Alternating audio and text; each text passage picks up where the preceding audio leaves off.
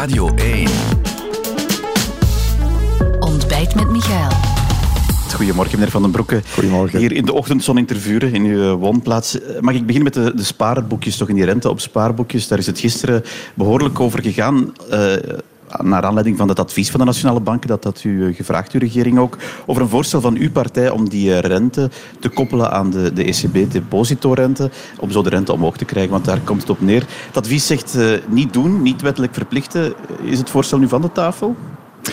De banken ontvangen nu elke maand honderden miljoenen euro's als een extra waar ze geen enkel risico voor moeten nemen. Krijgen ze dat van de Europese Centrale Bank? Ja, wij denken met vooruit dat de gewone spaarder daar toch ook iets van moet zien. En we hebben daar een voorstel voor gedaan. Nu, dat is bekeken door de Nationale Bank. Het advies van de Nationale Bank overtuigt echt niet. Hè? Om te beginnen... De het is wel heel duidelijk. Hè? Het zegt van, doe het niet. ja, maar de vraag is, wat zijn de argumenten?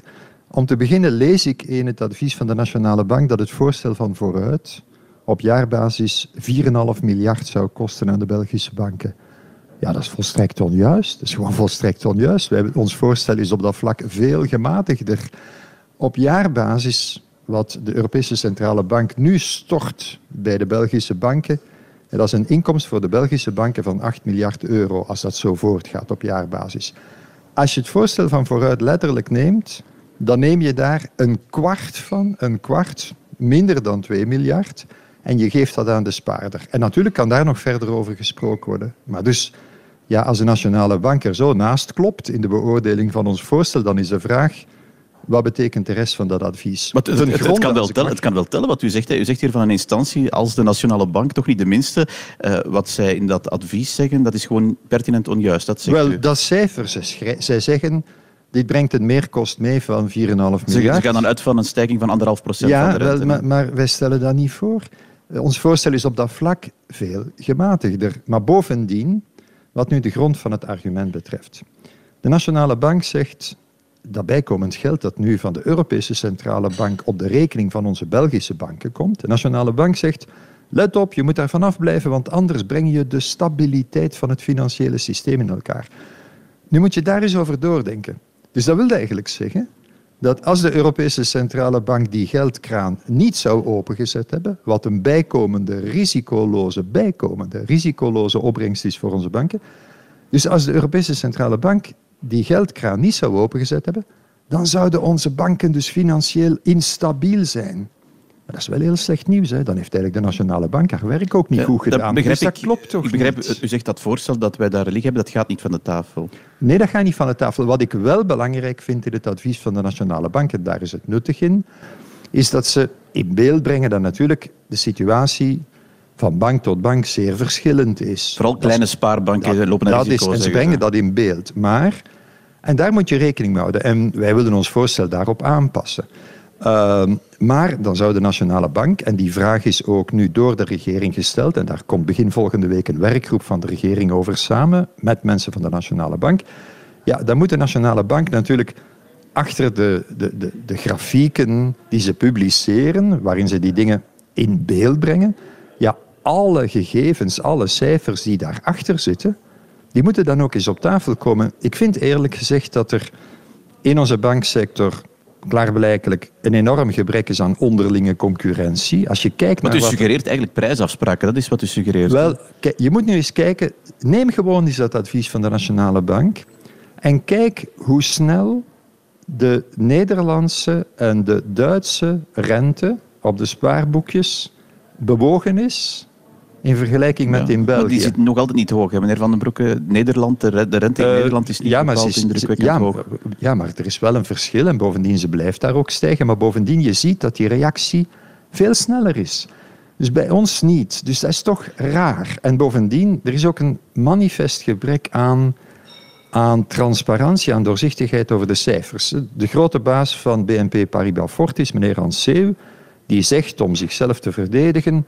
Oh, maar weet u, de Belgische banken die, krijgen van, bij de, die hebben bij de Europese Centrale Bank niet meer dan 50 miljard euro staan. Dat is niet zoveel hoor.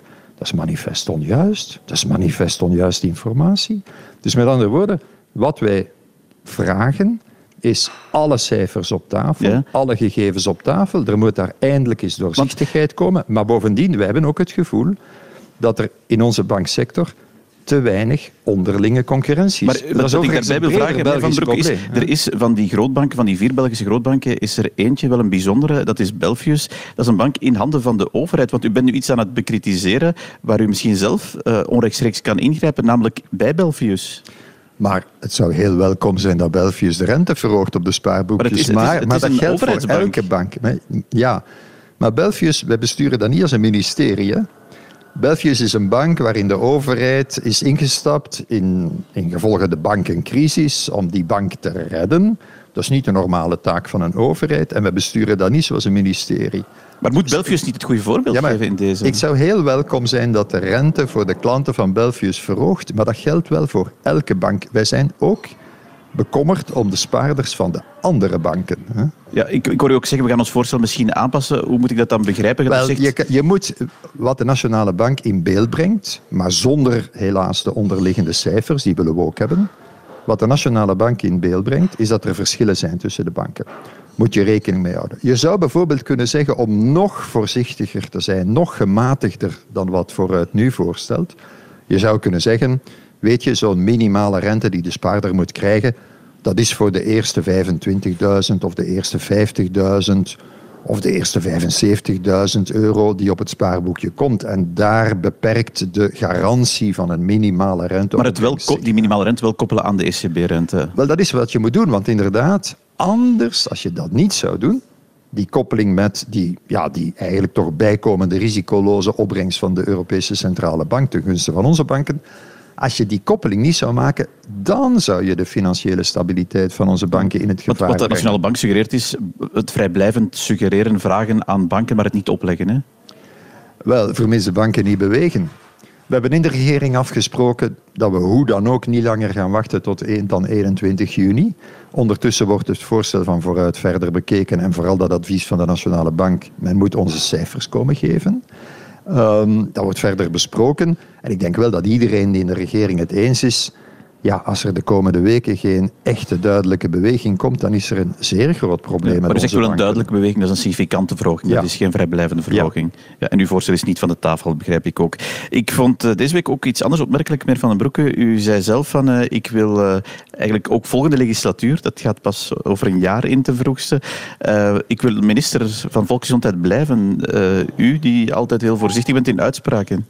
Ja, maar uw collega Goedele de Vroei stelde een vraag die recht naar mijn hart ging, namelijk wil je graag verder werken aan gezondheidszorg? En het eerlijke antwoord is daar ja, ik wil dat graag. Ik ben heel gemotiveerd om de investeringen die we nu aan het doen zijn, de hervormingen die op stapel staan, om die door te trekken, te versterken. En er is nog heel veel werk ja, u, aan. wel, u was natuurlijk wel vier, vijf jaar minister van Volksgezondheid. Hè? Uh, sinds uh, eigenlijk op dit ogenblik drie jaar en een half. Maar je hebt meer tijd nodig. Uh, maar nu, voor alle duidelijkheid, de vraag of mijn partij vooruit in een volgende federale regering zal zitten, dat weet ik niet. Dat hangt van de kiezer af. Ten tweede, als mijn partij in de regering zou zitten, dan is het Conor Rousseau die zal onderhandelen en die ook zal voorstellen doen over wie al dan niet minister wordt. Dus daar mag ja, ik Maar u bent wel kandidaat in dat geval. Ik, ik ben enorm gemotiveerd om het werk dat ik begonnen ben, vooral na de COVID-crisis, om te investeren en te hervormen in de gezondheidszorg, om dat door te trekken. Ik ga u een voorbeeld geven. Tegen het einde van deze regeerperiode gaan we in geestelijke gezondheidszorg, dus psychologische ondersteuning, psychiatrie, we gaan 330 miljoen euro extra investeringen aan het uitrollen zijn in geestelijke gezondheidszorg. 330 miljoen, dat is ongezien, het was enorm hard nodig. Dat gaat ook samen met een erg belangrijke hervorming, een totale omslag. De helft van die 330 miljoen gaat naar een eigenlijk een totaal nieuw aanbod van psychologische ondersteuning die heel vlot toegankelijk moet zijn en waar je vooral snel moet ingrijpen. Vooral als kinderen en jongeren zich, zich slecht beginnen te voelen. Je moet snel ingrijpen, snel de signalen opvangen. Dus de helft van die 330 miljoen gaat eigenlijk daar naartoe. Dat is een compleet nieuw aanbod. Dat is eigenlijk een nieuwe organisatie die we aan het uitrollen zijn. Waarbij we ook vragen dat die psychologische Ja. ondersteuning aanwezig is in jongerenadviescentra, in scholen, in CLB's, in overkophuizen, in sociale diensten. Dat vraagt zeer veel tijd. En we gaan nog extra moeten investeren. Dit is een begin. Dus u zegt, ook... u zegt dat moet ook volgende legislatuur worden doorgezet? Die, uh, doorgezet en versterkt. Doorgezet en versterkt. Dit is een begin. Ik was gisteren in een, een, een school in Capellen op de Bos, waar ik met de leerlingen heb gesproken over hoe zij te maken krijgen met eetstoornissen. Daar was ook een heel mooie getuigenis van een, van een jonge vrouw ondertussen die een stuk van haar leven ontwricht heeft gezien door een eetstoornis. Had ermee te maken dat het signaal, het probleem niet tijdig gezien was. Lang moeten wachten op de gepaste hulp. En dan wordt dat heel erg. Nu, we gaan rond eetstoornissen een heel programma uitrollen. Maar dat vraagt allemaal dat is puzzelwerk. Want je moet alle stukken van de puzzel goed in elkaar passen. Dat gaat over dieetadvies, de rol van de huisarts, de psycholoog. Het gaat erom dat je snel moet kunnen schakelen tussen hulp aan huis naar een instelling waarom, waarom lukt dat allemaal deze legislatuur dan niet? Waar moet daar ook over vijf jaar nog uh, Omdat het worden? bijzonder, bijzonder veel overleg vraagt. Bijvoorbeeld, het, we gaan een we hebben een grote investering gedaan in, in zorg voor kinderen met eetstoornissen, omdat we in de kinderafdelingen van onze ziekenhuizen psychiatrische ondersteuning extra hebben aangebracht. Uh, en we zijn ook aan het investeren in crisisopvang van kinderen en jongeren. Daar steken we zeer veel geld in. Ik kan u bijvoorbeeld zeggen dat als ik gewoon kijk naar wat we doen, nog los van die eerste lijn, ik kijk naar de andere helft van die 330 miljoen, de andere helft, dat gaat dus over versterking van psychiatrie in ziekenhuizen, onze mobiele teams die aan huis komen bij crisissen. Daar zullen we tegen het einde van de legislatuur zowat 1100 extra personeelsleden in voltijds geteld aan de slag hebben. Dus dat is concreet op het terrein bezig, maar dat vraagt enorm veel overleg. We moeten echt de puzzel op een heel nieuwe manier in elkaar passen. En, dus, daar is nog werk aan. En dat is wat u volgende legislatuur wil doen. Daar moeten natuurlijk de verkiezingen terugkomen. En daar komt eerst nog een jaar uh, tussen, tussen dit en exact een jaar, want dan zijn het verkiezingen waar nog heel veel werk op de plank ligt. Ik denk zelfs de komende weken van die federale regering. Dossiers die daar al lang liggen. Eh, ik ga beginnen met die fiscale hervorming. Komt er dat nu eigenlijk? En wanneer komt er dat dan? Want hoe lang ligt dat daar al te, te wachten? Ja, ze moet er komen. Mensen met, met lage arbeidsinkomens of lage gemiddelde arbeidsinkomens, die worden in ons land behoorlijk zwaar belast. Het is mogelijk om dat te veranderen. Hè? En waarom gebeurt, dat, maar waarom gebeurt dat dan niet? Ja, oké, je moet met twee zijn om te dansen. Dus ik, ik vind dat deze regering op dat vlak moet beslissingen nemen. Ze moet beslissingen nemen. En wij zijn in de federale regering als vooruit op dat vlak eigenlijk heel open. We zijn heel constructief. We hebben een doelstelling. Mensen met lage en middeninkomens die uit werken gaan, die zouden wat minder moeten belast worden. Je kan dat geld vinden door een aantal scheve toestanden, onrechtvaardigheden, echt onaanvaardbare gaten in het belastingssysteem recht te zetten. Ehm, maar ja, men, wij moeten daarover een akkoord vinden in de regering. Het komt niet tot een conclaaf. Wanneer komt er dat dan? Wel, de eerste minister heeft ons gisteren gezegd dat hij ons op 17, 18 juni dus in dat weekend bij elkaar brengt. En ik hoop echt uit de grond van mijn hart dat we dan knopen doorhakken. Is er een probleem als dat niet lukt dan? Ja, er is een probleem voor die mensen die die belasting ja, betalen. Nee, maar is er ook een politiek probleem? Wel, ik vind dat deze regering moet beslissingen blijven nemen. En zelfs al krijg je niet altijd een schoonheidsprijs voor een compromis dat je bereikt, het is beter van een compromis te bereiken dan iets te beslissen dan niks te beslissen. Wat er, ligt nog een ander thema op de tafel, hè, meneer Van den Broeke, die pensioenhervorming. Komt die er dan ook dan of, of wanneer moeten we dat dan verwachten? Wel, wij vinden dat mensen die werken, en zeker mensen die langer doorwerken dan strikt genomen moet, wij vinden dat mensen daarvoor beloond moeten worden in hun pensioen. Vandaar... Uw zusterpartij vindt dat blijkbaar niet, hè? Ja, maar ik weet niet of u zussen hebt, maar soms verschil je wel eens van mening met een zus. Hè? Hier verschillen we ongetwijfeld van mening. Kijk, wij, wij zijn al zo lang aan het pleiten voor het principe van de pensioenbonus. Dat wil zeggen dat mensen die langer doorwerken dan ze strikt genomen zouden moeten, mensen die daarvoor kiezen, om te blijven werken en, en iets bij te dragen en te betekenen in de samenleving, verbeter het pensioen van die mensen. Ja, dat is een simpel voorstel. Ja. Dat ligt al bijzonder lang op tafel. Ja, wel, ook daar, ja. Wat, wat, wat, waarom gebeurt dat eigenlijk dan niet? En, en wie wacht op wie? Um, wel, nog eens, je moet met twee zijn om te dansen. In dit geval met zeven. Dat is niet gemakkelijk. Maar wij zijn zeer open voor aanpassingen aan onze voorstellen, voor hoe je een evenwicht kan vinden, wij zijn daarin eigenlijk een gemakkelijke partij. Wij zijn hardnekkig wat onze doelstellingen betreft. Maar als het erom gaat van met elkaar een akkoord te vinden, wij zijn daar geen moeilijke partij. Ik hoor het u zeggen, maar ja, de realiteit toont aan dat dat dus voorlopig niet lukt. Dat is zowel voor die fiscale hervorming Ja, als die pensioenvorming al lang zo. Ja, het beeld dat, dat daardoor ontstaat is wel, dat is een, een eh, bende van zeven die daar ruziend over de straatscène rolt en Oh, niks maar wacht eens, beslist. even. Ik ga, wacht eens even. Ik ga gewoon terug naar gezondheidszorg. Ja, maar goed, Nee, nee, maar, ja, maar mag ik even?